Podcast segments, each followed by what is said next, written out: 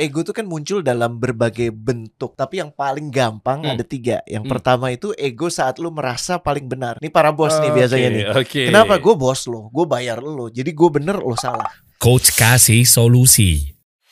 Coach Rene. Dari Aduh, kangen sekali nih ya. lama tak bersuo. kangen dengan toksik-toksik para bos-bos di luaran sana nih. Masih belum ini ya, masih Belum. belum, beranjak dari pembahasan itu iya, kayaknya betul, ya. betul. Karena kan pekan lalu kan coba lihat deh, judulnya kan kita sempat posting ya mengenai eh, toxic di kantor dan nah inilah tanda-tanda bos toxic Hmm. yang bikin kamu nangis terus, bikin kamu beban terus dan seterusnya. Kalau nggak salah kita bahas ini kemarin kan dalam konteks banyak orang yang kemudian keluar dari pekerjaan Ah. karena udah dapet THR. Iya. Terus sekarang jangan buru-buru daftar sebelum lo tahu organisasinya kayak gimana. oh iya. Dan potret organisasi itu tergambar dari bosnya. Iya, iya kan? betul, betul. Iya kan bos lo tuh kayak gimana? Eh, apa udah mencerminkan belum? Karena kalau Hmm. dari luar kan sekilas kayaknya necis gitu ya. Sekilas kayaknya rapi, Udah lama Nah, banget gue gak denger kata necis. necis ya. necis catut tuh necis. Iya, iya, iya. ya kan iya. parlente tuh Iya. udah lama gak denger Betul, kan? parlente. Iya kan? Iya, iya, iya. kayaknya keren banget Iya. tapi tanya sama tiga orang yang kerja di sana tiga tiganya udah tiga bulan gak dibayar ada loh der Ada ya. ada Dan menarik kalau ngomongin bos. eh, ini gue mau apresiasi dan juga ya nggak apa-apa lah kita kasih panggung buat teman-teman karena memang karyanya luar biasa. Mm-mm. Coba deh buka akun sosial media, gue keinget banget coach. Eh. Dan lu mesti nonton. Ini kreatif banget anak-anak Apa? ini. Jadi kalau nggak salah mereka dari Bali, Eh, mereka creative agency. oke Kalau nggak salah 5 sampai 6 orang. Nah, mereka ini jualannya creative agency tapi setiap hari itu bikin kayak semacam short film. Eh, ah ah, jadi acting antara bos dan anak buah. apa namanya Adsford buka deh. Ini gue pengen banget ngundang Instagram Instagram, Instagram. Jadi videonya di reels gitu. ADS F O R T. Oke coach, gini. Ini kan kalau kita ngomongin box eh, bos toxic apa segala macam, Mm-mm. artinya kan gak lepas sama yang namanya perhelatan antara bos dan karyawan. Mm-mm. Ya kan karyawan merasa bosnya toxic, sementara bosnya juga punya ego yang ngerasa bahwa ya lu yang kerja nggak bener dan seterusnya. Akhirnya tuh pertumpahan darah terjadi tuh. Biasanya di kantor. yang lebih yang mana ya Eh kapan-kapan kita bahas tuh seru banget tuh ya. Kapan-kapan kita bahas. Pokoknya kalau bahas tentang office politik tuh nggak ada habisnya ya. So- Iya kan? ujungnya tuh nggak ada lah Nah, kalau itu. bidang itu Nah, cuma gini, gue mau apresiasi buat teman-teman ya kalau nggak salah dari Bali, Mm-mm. mereka ini creative agency, mereka ini bikin konten, tapi semacam kayak ya short short movie gitulah. Iya. Nah, jadi potongan-potongan nih, ini nih Adsford, mungkin lo tahu juga lah coach ya. Nah, lu buka deh video gue baru denger sih itu lucu banget sih Iya, nah makanya di sini tuh ada salah satu konten ya. Mereka tuh rame-rame, mereka tuh kayak berlima apa berenam. Ternyata kayak adegan-adegan keseharian antara bos dan karyawan. Mm-mm. Bosnya yang sifatnya begini, karyawan yang pengen pulang cepat, Ya. kayak jam 5 tenggo dia harus pulang, Heeh. kerjaan bodo amat beres nggak beres, yang Ya. penting ya udah selesai, udah jam 5 pulang dan seterusnya. Ternyata ada video yang menarik nih dari Adsword ya. Gua thank you banget ya lu udah bikin video dan karya lu luar biasa ya teman-teman. Artinya di sini tentang ada karyawan yang mau ngadalin bosnya, dia harus buru-buru eh, dia bodo amat sama kerjaannya tapi Ya. dia resign setelah dapat THR. Heeh. Ya kan? Udah dapat. Ya ini udah common lah terjadi lah ya. Udah dapat, oke gue resign. Yang penting THR dulu. Ya, kenapa lu belum cabut? Katanya lu mau pindah ke kantor ini. Ya tanggung bro, belum THR. Nah, nah, ini kejadiannya nih. Ternyata lu lihat deh. Hmm. Adegan nih antara bos dan Kenapa nggak pernah beresin kerjaan sih? Ngapain diberesin? Gue nunggu THR. Abis THR turun, gue resign. Mau ngadalin Vibo lu ya? Cok, sebelum hari raya lu udah gak kerja di sini lagi kan? Maksud bapak saya di PHK nih pak. Bapak harus nyiapin saya pesangon yang dihitung sesuai dengan masa kerja saya. Dan itu jumlahnya jauh lebih besar dibanding THR yang harus saya terima pak. Enggak, enggak gua PHK. Cuma Asik. ini kerjaan lu sampai bulan Juni dan lu harus beresin semuanya. Oke, ini bukan job desk saya dan ini banyak banget. Mana bisa saya kerjain? Ini perintah kalau lu nggak mau ya terserah lu. Lu mau apa? Kalau kayak gini saya mau resign pak. Thank you. Kamu tolong siapin surat beritanya biar Suki tantangan. Oke? Mampus lu. Enggak dapet pesangon kan? Asik hidup ini kan? Raja kadal ini buat kita. Asik hidup ini kan? Oke, close close close. Hai. Asik ini apa? Dibilang asik, Asik hidup, hidup ini. ini. Ya, asik hidup ini kan? Ah. Cocok Eh, kayaknya ya sama lo ya. Coba gue tanya, gimana gimana di sini? Betul ya? Gitu. Nah, ini nih, gue gue nggak tahu ya. Dari adegan ini, eh kayaknya masing-masing merasa lawan bicaranya toksik. Hmm. yang gue tangkap nih, misalnya, maaf ya buat para bos-bos misalnya, lo ngelihat ada punya karyawan kayak gini kerjanya, dia mau resign setelah dapat PHK, padahal kerjanya belum beres yang sebelum-sebelumnya, ya Hmm. toksik banget sih, Mm. gitu kan? Eh, Atau enggak dikit-dikit minta naik gaji, dikit-dikit minta naik gaji, dan kontribusi lo apa buat perusahaan? Begitupun sebaliknya, mungkin karyawannya ngerasa, gila, toksik gila nih bos gue nih.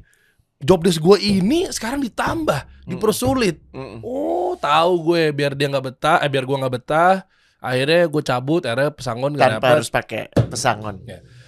Ini kan nggak ada ujungnya coach ya. Semua ngerasa lawannya dia itu adalah toxic.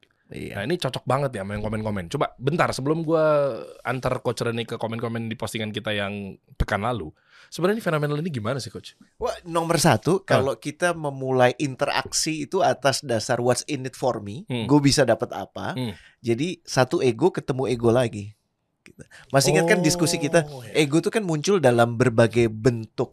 Tapi yang paling gampang Hmm. ada tiga. Yang Hmm. pertama itu ego saat lu merasa paling benar. Ini para bos nih biasanya nih. Oke. Kenapa gue bos lo, gue bayar lo, jadi gue bener lo salah. Oke. Mau mau apa mau eh, apa gajah dibilang warna ungu Oke. juga boleh gitu Iya, karena iya, iya. saya benar. Iya nggak? Wah, Walaupun iya. nggak ada gajah warna ungu, Ego tapi tuh ya. karena gue yang bayar lo, Hmm. lo harus bilang ungu. Akhirnya kebenaran tertutupi. Iya kan? Hmm. Itu itu satu ego. Gue penting untuk menga- menyampaikan ini karena kita harus ngerti dulu root cause problemnya apa. Root cause dari semua problem ini cuma satu, Oke. ego. Ego ya. Tapi ego yang pertama itu merasa paling benar. Ego yang kedua, Der, itu ngerasa paling sengsara. Wah ini kan. Bener ya? Jadi Ini. ngerasa korban. Gue tuh gue tuh begini karena ada yang ada yang tega sama gue karena gue diperlakukan begini. Ah. Ya, antara ego ben- merasa benar dan ego eh, merasa paling sengsara itu sama-sama buruknya. Oke, sebentar. Ini menarik sama-sama buruk. Ini kan, eh gue tau lah, ini pasti reka adegan dan ini ilustrasi ya. Kita nggak menyudut pada dua orang ini. Ini pasti acting apa segala macam ya. Cuma maksudnya dari contoh dengan ilustrasi seperti ini, bos sama karyawan, oke? Adegannya plak-plak ketiplak begitu deh. Ini sering terjadi juga ya. Bosnya ego apa nggak kalau begini? Banget lah. Oke, karyawannya? banget lah. Ego juga.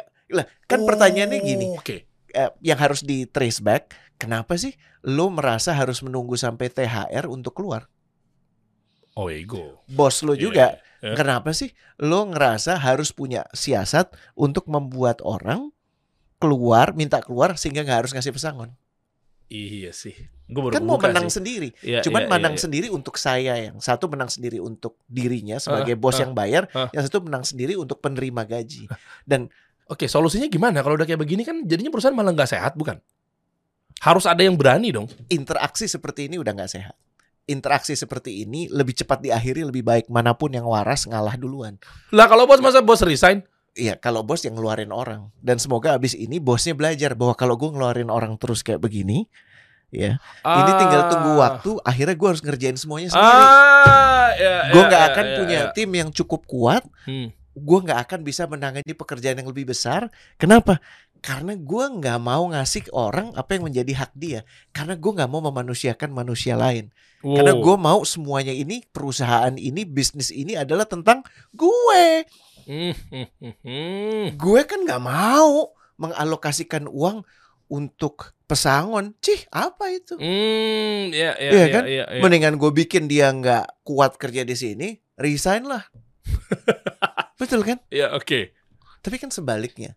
Kalau dua-duanya punya cara pikirnya misalnya, ya, yang lebih less ego lah, Hmm. ya, yang lebih egonya lebih ditemper dikit, ya kan? Mereka percaya bahwa sudah dipertemukan atas izin Allah, Hmm. Oke, betul nggak? Oke. Iya kan? Iya. Dan sesungguhnya dalam perikatan di mana ada satu yang kemudian merasa ini kayaknya nggak adil, tapi dia menerima Hmm. dengan kelegaan untuk hubungan yang lebih baik, dia akan menang di jangka panjang. Hmm, Oke. Dan yang menang tuh semuanya. Oke, tapi bukan gue belain bosnya ya. Tapi Nah. kan karyawan kayak gini kan memang harus diberi ganjaran ya. Kenapa yang ngeri, dia ngerekrut itu? Ah, oke. Kenapa ngerekrut orang yang cuma bertransaksi doang? Ah, oke. Iya baru ketahuan belakangan. Iya, kalau baru ketahuan belakangan, apakah kemudian kita bisa pelajari sesuatu dari interaksi itu? Karena kan masih ingat Oh, ya, tentang kita belajar motivasi ya. Ya. Beberapa beberapa obrolan yang lalu kita pernah ngobrolin o- motivasi. Kita selalu menyalahkan orang tidak punya motivasi. Ya. Ya nggak? Ta- tapi kita lupa yang membuat orang itu nggak termotivasi itu lingkungannya juga loh. Oke. Kalau lingkungan yang membuat seperti itu problem. Hmm. Kalau lu cuman punya satu karyawan dan karyawan lu seperti ini, ya lu ambil pelajaran untuk supaya merekrut orang lebih baik. Tapi kalau lu punya 10 karyawan, Oke. lima kayak begini, yang problem tuh lu Oh, sebenarnya. Iya juga ya. Yang problem lu kan cerminan orang. Hmm. Cer- karyawan itu cerminan atasannya Nih. gitu. Jadi ego nomor satu, ego merasa benar sendiri, eh, ego merasa paling benar. Yang nomor dua, ego merasa paling sengsara. Ada lagi yang di tengah, Der. Apa tuh? Ego merasa paling berguna, Uh, paling berjasa, paling berguna. Tempat ini menjadi seperti ini karena saya. Nah, kalau orang udah mikirnya semua seperti itu, akan sangat rumit. mana yang paling toxic? Tiga-tiganya toksik. Tiga-tiganya. Toksik itu kan keadaan di mana sudah tidak lagi bisa dinetralisir, makanya kemudian disebut sebagai toksik.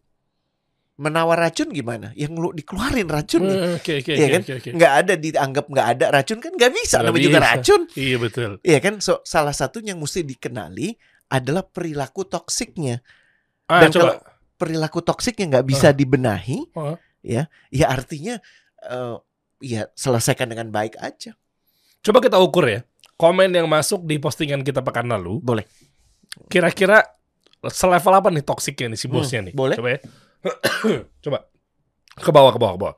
Nah ini, amal sejajar.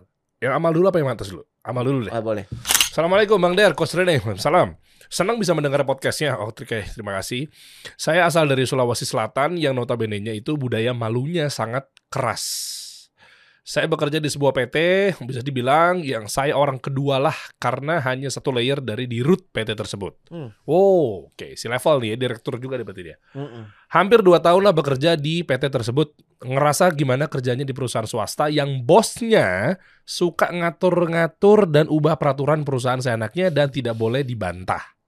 Seenaknya mainin turunin gaji, masuk on time jam 8 lewat sedetik. Oh, serius loh. 8 lewat sedetik potong gaji pas lewat jam pulangnya. maaf potong gaji Gimana sih pas maksudnya? lewat Masuk on time jam 8 lewat sedetik, oh pas potong gaji. lewat jam pulangnya eh Mhm. nggak ada tambahan uang lembur gitu Katanya loyalitas ke PT. Rasanya udah mau resign aja bang, tapi ditahan-tahan. Udah resign, silakan langsung. Harus sabar, susah cari kerjaan. Nah ini nih yang selalu menjadi alasan ya susah juga ya coach ya. Ya bener sih, tapi kesehatan mental yang lebih utama katanya. Aduh, susah nyari kerjaan coach mau nggak mau jalanin aja deh. masih inget ya ada tiga persyaratan untuk kita menentukan mau stay or quit kan Ya. Nomor satu, secara kompensasi itu gimana? Itu paling gampang ngukurnya. Menurut Hmm. lo tuh dibayar fair nggak sih? Itu Hmm. udah jelas. Oke. Yang paling bisa ngukur ya lo. Kita bisa memberikan berbagai macam pakem kan. Derry udah sangat Hmm. ahli gitu ya untuk ngelihat apakah lo underpaid atau overpaid. Oke. Tapi itu salah satu pertimbangan. Pertimbangan kedua adalah kualitas eh, lifestyle lo saat bekerja di situ gimana? Oke. Ya kan? Hmm. Apakah lo punya hidup atau enggak? Atau lo kerjanya 14 jam, 16 jam, bahkan 18 jam? Hmm, oke. Kalau itu mau dilakukan untuk waktu tertentu masih oke. Tapi kalau kemudian terlalu panjang, tiga bulan, Hmm. enam bulan, selalu bekerjanya seperti itu, udah jelas nggak sehat. Karena kita kan yang namanya manusia butuh tidur, Eh. butuh interaksi sosial, ya. Kalau semuanya terfokus untuk kekerjaannya juga nggak baik. Dan yang terakhir kualitas eh, organisasinya gimana, Hmm. interaksi dengan orang-orang di organisasinya gimana. Kalau tiga-tiganya negatif, ini kan menurut gue gaji main diturunin, itu kan nggak boleh, ada ketentuannya juga loh.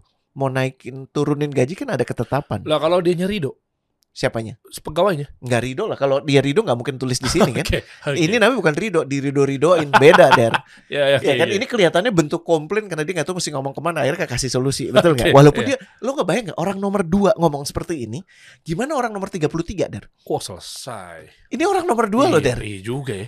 Gimana Iya orang nomor ya. 33? Ya, jadi secara uang udah jelas lo nggak dapet. Ini, ini ngukurnya gampang ya. Iya, iya. Ya, terus nomor dua, kualitas lo gimana? Kualitas kehidupan lo. Ya tadi lo sendiri udah bilang kesehatan mental lebih utama. Ah, Artinya mental lo udah kena.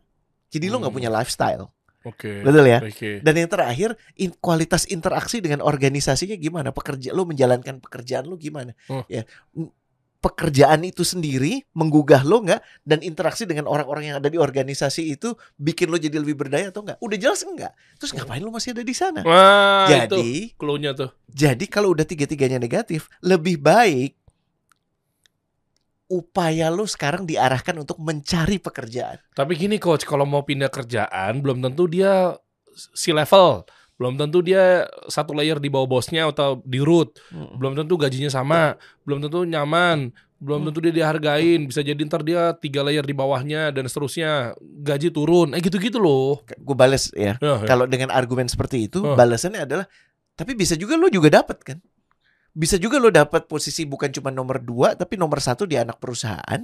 Bisa juga lo dapat gaji lebih gede walaupun struktur itu lebih nomor empat, nomor lima, tapi gaji lo lebih gede dan perusahaan itu sangat adil. Bisa nggak?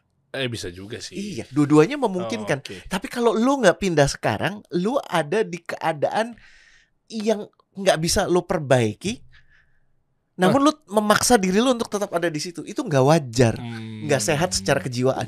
Hmm. Kan lu nggak bisa ngubah bos lo. Iya. Yang bisa lu ubah cuman lu ada di situ atau nggak ada di situ. Tapi kan lu punya strategi, punya waktu. Iya gunakan energi dan waktu itu untuk cari pekerjaan baru. Karena upaya mencari pekerjaan baru Ah. itu sama besarnya ya Oh. dengan upaya untuk bisa bertahan di sini. Oh iya. Lah kalau bertahan lu masih begini-begini aja mendingan Mendingan pindah. Mendingan pindah effortnya sama ya. Banget, Ah, Oke. Banget. Jadi itu Oke. cara ngukurnya dan lebih tepat adalah sebenarnya kan lu udah melihat. Nih siapa kawan kita tadi Amal. Hmm. Amal udah ngelihat kan sebelum lu mendaftar dan sesudah lu mendaftar pasti ada clue. Gue yakin sebenarnya lu udah dapet dugaan bahwa bos lu akan jadi seperti ini.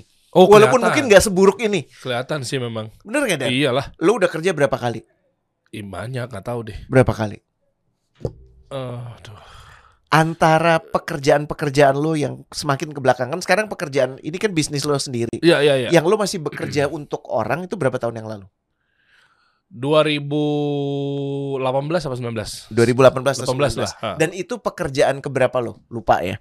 Gini inget tiga pekerjaan terakhir Enggak. Tiga, lu sebagai karyawan. Iya ingat ingat. Tiga pekerjaan terakhir lu sebagai karyawan masih inget dong. Masih lah.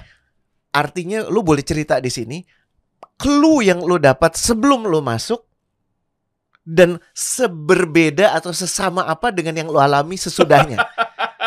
boleh cerita Iya, walaupun boleh, nggak boleh. harus menyebut brandnya. iya iya iya. Ya. iya. Boleh boleh boleh. ya. Coba Eh, pas masuk ya, pas masuk itu dari bos memang ya adem ayem, Mm-mm. adem ayem, baik apa segala macam gitu ya. normatif, Normatif, normatif. normatif, Iya. Eh, safe. iya. Oke. Terus mulai ketahuan ya maksud lo? Maksud gue ada clue yang lo dapat dan pada saat lo menjalani, eh clue itu ternyata benar. Wah, Clue kemarin tuh benar. iya macam-macam lah coach.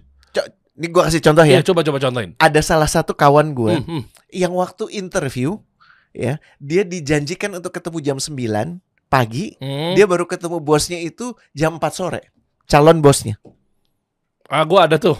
Itu clue gak? Clue, Clue kan? clue. Oke, Jadi boleh lu satu. mestinya jam 9 pagi, lu baru ditemuin jam 4 sore. Cuma gua nggak empat sore sih. Ya abis makan katanya jadinya eh, abis makan siang ya gitu. Ya, seli 4 jam lah ya. Lo masih mendingan ya. Masih mendingan. Gue boleh nanya nggak? Oke, coba. Artinya apa? Oh, ini orang nih mungkin bisa nggak dipegang janjinya. Iya. Iya kan? Betul. Sih, apa lagi? Eh ini orang mungkin nanti ke gua bisa bisa ya ber- bisa berubah-berubah. Asik ya. Iya, Iya kan? bisa berubah-berubah. Nih, gue kasih ilustrasi. Ah, Di iya. salah satu interview Hmm. dengan salah satu bos gue, Oke. gue diundang meetingnya di rumah dia.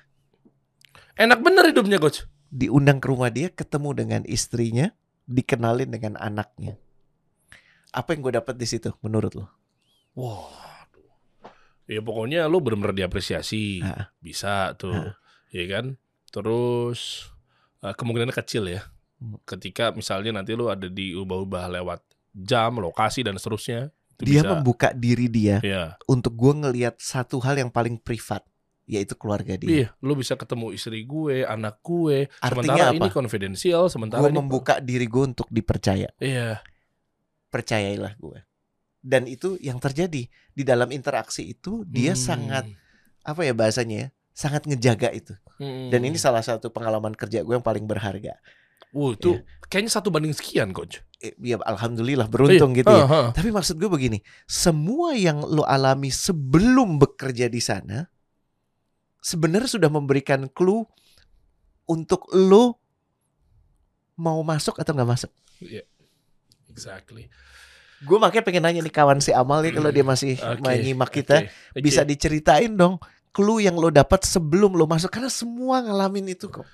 Dan itu benar terjadi loh. Terjadi. Terjadi. Cuman kita tuh Iya, gini, iya, iya, kita iya. terbutakan oleh apa? Iya. Kebutuhan untuk bekerja, Iya, itu. kebutuhan untuk dapat gaji cepat. Apalagi? Jadi kita nggak membuka mata kita untuk clue-clue yang ternyata sudah memperingatkan kita. Oh. Hati-hati, hati-hati ya. Iya, iya, Bos iya, lo tuh ternyata udah menyampaikan ke lo walaupun tidak melalui perkataan Heeh. bahwa jangan percayai gue itu ada. Ya, Ada ya, loh, ya, Der. Ya, ya, ya, ya, ya, ya. Jadi sebenarnya maaf ya, maaf ya. Kalau lu sampai masuk ke satu pekerjaan yang katrok banget, Heeh. salah lo. Kesel ya. Karena lo nggak baca clue itu. Iya, iya, iya, iya. Ya mungkin berangkat dari husnuzon juga kali coach. Ya, ya misalnya gini kan. Oke, pas interview pertama ya taunya datangnya oh mungkin dia lagi ada acara Baik. keluarga. Tapi sekarang gue tanya dulu, Iya. yang mendasari husnuzon itu karena lo berprasangka baik, karena lo butuh dibayar bulan ini. ah iya iya Bener dong nggak? pastinya. Jadi husnuzon itu dipicu ya oleh kebutuhan yang lebih besar. Jadi sebenarnya lo nggak boleh mengatakan itu husnuzon, der. iya itu sih. prasangka. Iya iya. iya. Ya, Prasangka. ya. Anda tajam ya mulutnya ya. Prasangka m- bahwa lo siap dibodohi. jahat banget loh. Jahat banget. Ini yang Ya. sering kali ya, Hmm. sering kali disebut bahwa atas apa pun yang terjadi dalam hidup lo, salah Oke. lo, Sebenarnya begitu ya. salah lo. Cuma mungkin kita nggak nggak nilai Hubungan itu. lo yang toksik, Ah, yang milih cowoknya siapa? Yang milih ceweknya siapa? iya juga ya. Bener gak? Terus Iya sekarang juga ya. yang lo komplain terus tentang dia, dulu emang nggak ngeliat gitu. Hmm. Dan kadang-kadang tanpa lo sadari, emang lo Hmm. nyari itu ternyata. Emang lo kurang punya Hmm. masalah, jadi lo cari masalah. Itu dia tuh. Makanya akhirnya begitu udah ketahuan suaminya selingkuh, udah ketahuan selingkuhnya sama ani-ani atau cabe-cabean. Nah itu gua nggak paham tuh ya, tapi gua gua gua pura-pura pahami aja, oke? Ani-ani apa gua nggak tahu. Iya ada lah pokoknya kayak begitulah dibayar lah intinya kan. Oke. Ya kan sampai di, di total-total ngeluarin 200 juta, udah dikasih yang gratis, halal, tapi milih yang bayar haram. Iya kan? Kan ketahuan tuh kan jadinya kan ujung-ujungnya tuh wah kartu debit disimpan selama ini, udah selingkuhin aku selama Lo ngomongin siapa sih? Ya nggak tahu orang-orang, orang-orang. Nah, eh, bisa aja yang kasus seperti itu kan gua nggak tahu. Tapi- nah, berarti tapi- itu salah-salah istrinya. Loh, iya, ada salah istri ya maksud gue dalam sebuah hubungan ya yang tidak berjalan nggak mungkin salah cuma di satu pihak. Nggak mungkin. Nggak mungkin. Sebentar, coach. Ini Nggak pasti kan mungkin. lo emang cowoknya yang brengsek aja. Eh, Bisa bi- jadi. Bisa, tapi kan yang memilih untuk bersama cowok brengsek itu Oh dia. iya bener Dan lebih parahnya lagi kan Gue juga update berita kan Katanya udah selingkuh yang kedua kali tiga kali Tapi masih dimaafin Gitu Mungkin yang terakhir udah meluapkan Akhirnya dibeberin semuanya Hmm. ke ranah publik Hmm. Dibuka aibnya itu kali ya Tidaklah seseorang Ini ngomongin siapa sih kita? pasangan yang dia memang berhak karena dia sebenarnya ya deserve apa ya? Memang itu udah ya kalaupun kita nggak boleh mengatakan ya salah lo, ya ini ujian lo. Hmm. ternyata jawabannya itu dan pertanyaannya what are you going to do lo mau ngapain sekarang Mm-mm. mau memilih untuk pergi ke media menyampaikan semuanya? Oke. Iya kan? Hmm, Atau? Lo memilih untuk memperbaiki diri lo. Itu yang paling berat. Yang paling baik yang mana? ya menurut lo yang mana? Memperbaiki diri atau menyampaikan keluhan lo ke seluruh Enggak sih. dunia? Eh, daripada gue harus nyebar aib pasangan gue Mending gue memperbaiki diri. Exactly. Iya, ya lu bisa minimal minta dia untuk buatin surat cinta untuk Derry misalnya. Lah ya bener kan? Ya, ya Der, ya udah deh kalau gitu aku perbaikin diri aku tapi kamu juga ya. Gitu kan bisa. bisa Ada dibalas juga surat cinta untuk istri Derry misalnya. bisa Kayak gitu kan. nggak perlu lewat lagu lah, tapi misalnya minimal lewat suratnya gitu. Apaan sih coach? Gak tau Apaan sih? Gak tau Apaan sih? apa Ya gak tau Gak tau Nanti Iya kita kayak, siapa Ustazah favorit lo siapa Kok gue? Eh, Yang belajar itu Oh, enggak, siapa? enggak. Enggak, dokter Aisyah Dahlan. Dokter Aisyah Dahlan Gue suka bagus deh ilmu-ilmunya tuh. Ini juga baru ntar gue Ntar gue inilah Bagus, bagus. Gue posting ke Muna nanti Tapi emang ya emang kita butuh diingetin ya Kan kan paling gampang mengiyakan lo bahwa ini salah bos lo atau kalau lo bos iya ini salah anak buah lo Hmm. sorry ya gue akan ngasih pil pahit bahwa ini salah lo baik lo sebagai bos atau sebagai anak buah. Salah lo Tapi Atas- ya emang bener sih, bener sih. Maksudnya atas semua kekatroan coba milik akui dulu bahwa itu salah lo Ya bener. Dan sebenarnya di Islam juga udah ngasih tanda-tanda dan kebaikan seperti ini ya. Kayak misalnya ketika cerminan dari eh, pemimpinnya itu adalah rakyatnya dan Yes. seterusnya gitu kan. Yes. Berarti kan lo harus benahin dari diri lo sendiri. mulai dari diri lo dulu Iya, ketika pengen dapetin pemimpin yang baik ya berarti lo benahin mulai dulu. dari lo Ya, mulai dari lo. ahlak lo udah bener belum Nah, iya kan itu tuh bener sih. Balik lagi situ karena nggak ada ngebenahin dari atas tuh agak susah juga tuh ya. Eh, yang ada gibahin atas sih paling enak tuh emang. Udah gitu lucunya dikasih terus gitu gak sih Der? Iya iya Iya gak sih? Betul. dibuka terus. Sampai kadang-kadang mikir mau nggak baca kok udah headline semua gitu ya. Tapi dibaca gue juga nggak bisa mempengaruhi keadaan paling cuman Iya betul. atau Iya iya iya iya. gitu kan Iya iya iya. ya kan setiap kali kita ngeliat cert- instansi tertentu kita akan selalu ngomongin Rubicon gitu atau geng Harley gitu kan Iya, iya, iya iya. kan iya gak sih Iya betul juga ya. Eh, itu itu itu eh, rencana-rencana seperti itu memang ya Allah sebaik-baiknya makar ya balik lagi ke situ ya. di luar kuasa makanya Hmm. kalau udah bicara soal ini kan kita hubungan yang relatively lebih simple ya Hmm. bos dan bawahan lo tuh punya kesempatan sebenarnya untuk mengayomi orang Hmm. untuk kan, kan gini lu menghabiskan waktu lu tuh berapa sih 8 jam minimal loh Hmm. Der. Hmm. kita tuh menghabiskan 8 jam dengan coworker kita loh Iya.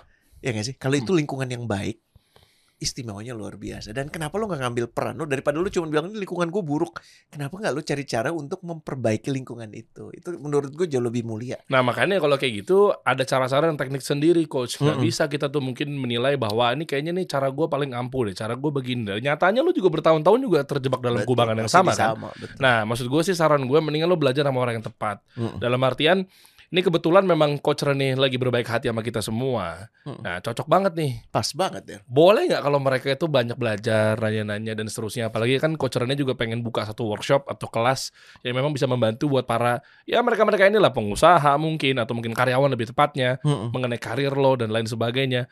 Cocok tuh. Nah, tapi kendalanya bagaimana cara kita berkarir harus paham.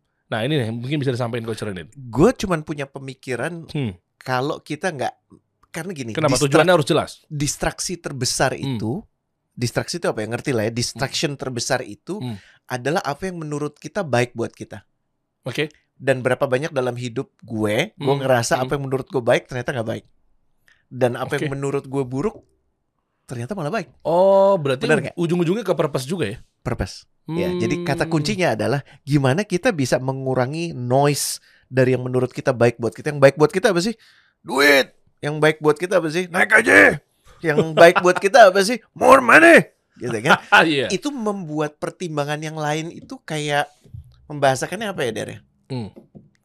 Kayak lu nyalain center, Mm-mm. tapi ada matahari kan kayak nggak ada gunanya gitu. Nah, kayak Ya kan? men- menggarami lautan. Center lo tuh jadi kayak nggak kelihatan, Hmm, ya hmm, kan? hmm, Kayak hmm. nggak nggak ngefek. Kenapa? Karena perhatian lo, fokus lo udah ke duit. Dan itu problem banyak orang. Jadi kita Hmm. dibutakan bahwa kan yang namanya syaitan, iblis itu kan selalu eh, ajarannya adalah kalau nggak ini udah nggak ada lagi. Oh Betul iya, ya? Betul ya? Iya, iya, iya. Ya, selain mem- mempercantik hal yang haram, hal yang buruk, Hmm, ya kan? hmm. Itu dia dia caranya adalah membuat ketergesa-gesaan untuk segera memilih. Iya, Dan betul. lo meniadakan pilihan-pilihan yang lain. Iya, kalau ini gua nggak ambil, nanti gua nggak punya kesempatan lain. Nah, Betul ya? iya. Betul nggak? Heeh, Betul nggak? heeh. Padahal kan emang lo tahu. Betul ya? Dan Bukankah rezeki lo udah Iya, udah betul. ditetapkan, bukankah kebutuhan lo dipenuhi oleh Sang Pencipta? Tugas lo cuma memantaskan diri. Ah. Dengan begitu banyak sinyal-sinyal yang dititipkan ke lo, kalau lo nggak ngelihat itu, itu bodoh lo kurang lebih gitu. Ya, ya, ya. Lo memilih untuk nggak ngelihat itu. Nah makanya kita pengen bikin eh, ini ajakannya sih lebih dominan ke kawan-kawan yang ingin memulai usaha. Hmm, Oke. Jadi profit itu penting, tapi bukan cuma sekedar profit, profit with purpose. Wih, keren. Keren. Profit with purpose itu artinya bukan lo nggak mentingin profit. Kalau lo nggak punya profit, lo nggak akan bertumbuh kembang. Ya. Kalau lo nggak punya profit, lo nggak punya kelegaan untuk bantu orang. Kalau lo nggak punya profit, lo nggak akan punya apa ya? Nggak akan punya kesinambungan. Hmm. Tapi profit doang berbahaya. Hmm, ini. Profit doang bisa mencelakakan. Makanya gue pengen bikin eh, sama kawan-kawan kita namanya dan Hmm. gue minta lu juga untuk Boleh, ikutan di boleh, situ. boleh insya Allah. Eh, apa gimana bikin bisnis yang profit with purpose. Wih keren. Ya bener juga ya. Kadang kita ngejar profit profit profit tapi no purpose juga berantakan juga sih sebetulnya. Banget. Nah makanya profit uh, with purpose ini teman-teman dari kita ya Mm-mm. ada coach Rene dan lain sebagainya nih pastikan teman-teman ikut ya. Saran saya mendingan yuk kita gabung. Tapi pertanyaannya kapan coach? Insya Allah bulan Juni. Jadi Oh, masih bentar ada lagi. waktu. Hmm. eh, seleksinya akan akan diadakan segera. Hmm. Eh, tiga bulan lamanya. Oh, Oke. Jadi nanti Derry akan mengisi satu ceruk yang namanya brand, Ya oke. iya kan? Hmm. Tapi ada kawan-kawan lain kayak storytelling itu ada namanya Bu Febi, Hmm. ya dia bosnya yang me- sekarang membidangi Borobudur, Taman Mini Oh. dan eh, apa Prambanan. Oke. Ya, terus ada masih ingat Pak Iyal tentunya, Ingat. ya kan ingat. masih ada ada Pak Pak Sudirman Said Mantap. favorit kita, Oh, oh iya dong. ya kan? Wih, Terus ada. Pak Budi Isman, Oh ya? kan? Heeh. Oh nice. Itu yang akan kita hadirkan sebagai mentor-mentor. Hmm. Tapi tujuannya adalah lo memvalidasi bisnis uh, preposition lo Oke. untuk mempunyai sesuatu yang oh ini validated dan validatednya bukan cuman bikin bisnis yang berprofit tapi punya bisnis yang menjadi alat untuk penuntasan problem sosial. Wah, Ikuti guys yuk, yuk rame-rame seru nih. Ya. Mumpung ada ini nih. Nanti Nah, kita bahas ya Betul betul ya. betul dan teman-teman pastikan kalau pengen tahu informasi lebih lanjut langsung aja klik di deskripsi di bawah Boleh? ya sosial medianya kita dan seterusnya nanti kita jabarkan di bawah Mm-mm. ya bisa kepo-kepoin tipis-tipis gitu kan nanti keterangan lebih lanjutnya Lewat kekasih solusi karena kalau Ah. lewat daftar kekasih solusi ada hal-hal khusus yang Oi. hanya didapat dari pendaftar dikasih solusi. mantap berarti pantau aja nanti IG kita akan update ya, ya seputar eh, acara ini kapan berlangsungnya Mm-mm. Gimana cara pendaftarannya pantengin terus aja nanti akan kita eh, kasih tahu lebih lanjut ya Boleh, Ih mantap nih coach kalau gitu buat teman-teman yang masih mau komen juga boleh kali ya boleh silahkan. Hmm. Kita justru ingin minta lo berbagi clue-clue lo Ya. yang lo tangkap Hmm. sebelum masuk ke tempat kerja lo sekarang Heeh, dan yang terbukti apa, oke yang salah apa. Jadi orang tuh bisa banyak belajar. Ya udah nih kita bahas di next week aja nih. Coba ke atasin deh. Boleh. Sekalian nih kita bahas nih. Ya, coba atas dim. Nah, sabar ya buat duelis tuh. Ya pas banget Coach Rene katanya saya juga punya teman yang mengalami masalah seperti ini kerja di perusahaan yang bosnya toksik banget mau keluar nggak dibolehin orang tuanya karena orang tuanya punya hutang dengan bosnya. Ya Allah. Wah ini seru nih kita bahas di Ini- next week nih. Setuju nggak teman-teman? Sabar ya duelis nanti kita akan bahas ya tenang tenang. Nih kita kasih eh harap-harap cemas dulu aja nih. Kita nggak bahas di sekarang tapi di next week aja. Gue rada deg-degan bacanya ke mampin ke bawah 17 tahun berarti masih child worker dong men. Oke, dipaksa bekerja karena keadaan orang tuanya. Kadang dia curhat ke saya sampai nangis karena nggak tahu harus gimana lagi. Semoga cerita di sini nemu jawaban. Kalau nggak setidaknya ada yang bantu doa. Gue gue merasa harus jawab sekarang sih boleh gak sih Der? Ya udah nanti aja next week aja. Beneran? Eh, beneran. Next week aja udah. Penting nih karena ini gara-gara anaknya maaf sapi perah nggak sih bahasanya? Iya, Allah Akbar. Disapi perahkan oleh orang tuanya. iya, Oh ya? iya. Lah tapi kan untuk bantu utang orang tuanya. Karena Tapi- orang tuanya utang budi, ada utang sama bosnya. Kalau anak Rido nggak apa-apa, tapi dalam konteks ini menurut gue ada yang nggak ada yang nggak asan di sini. Nanti kita jawab di- ya. Next week. Coach kasih solusi.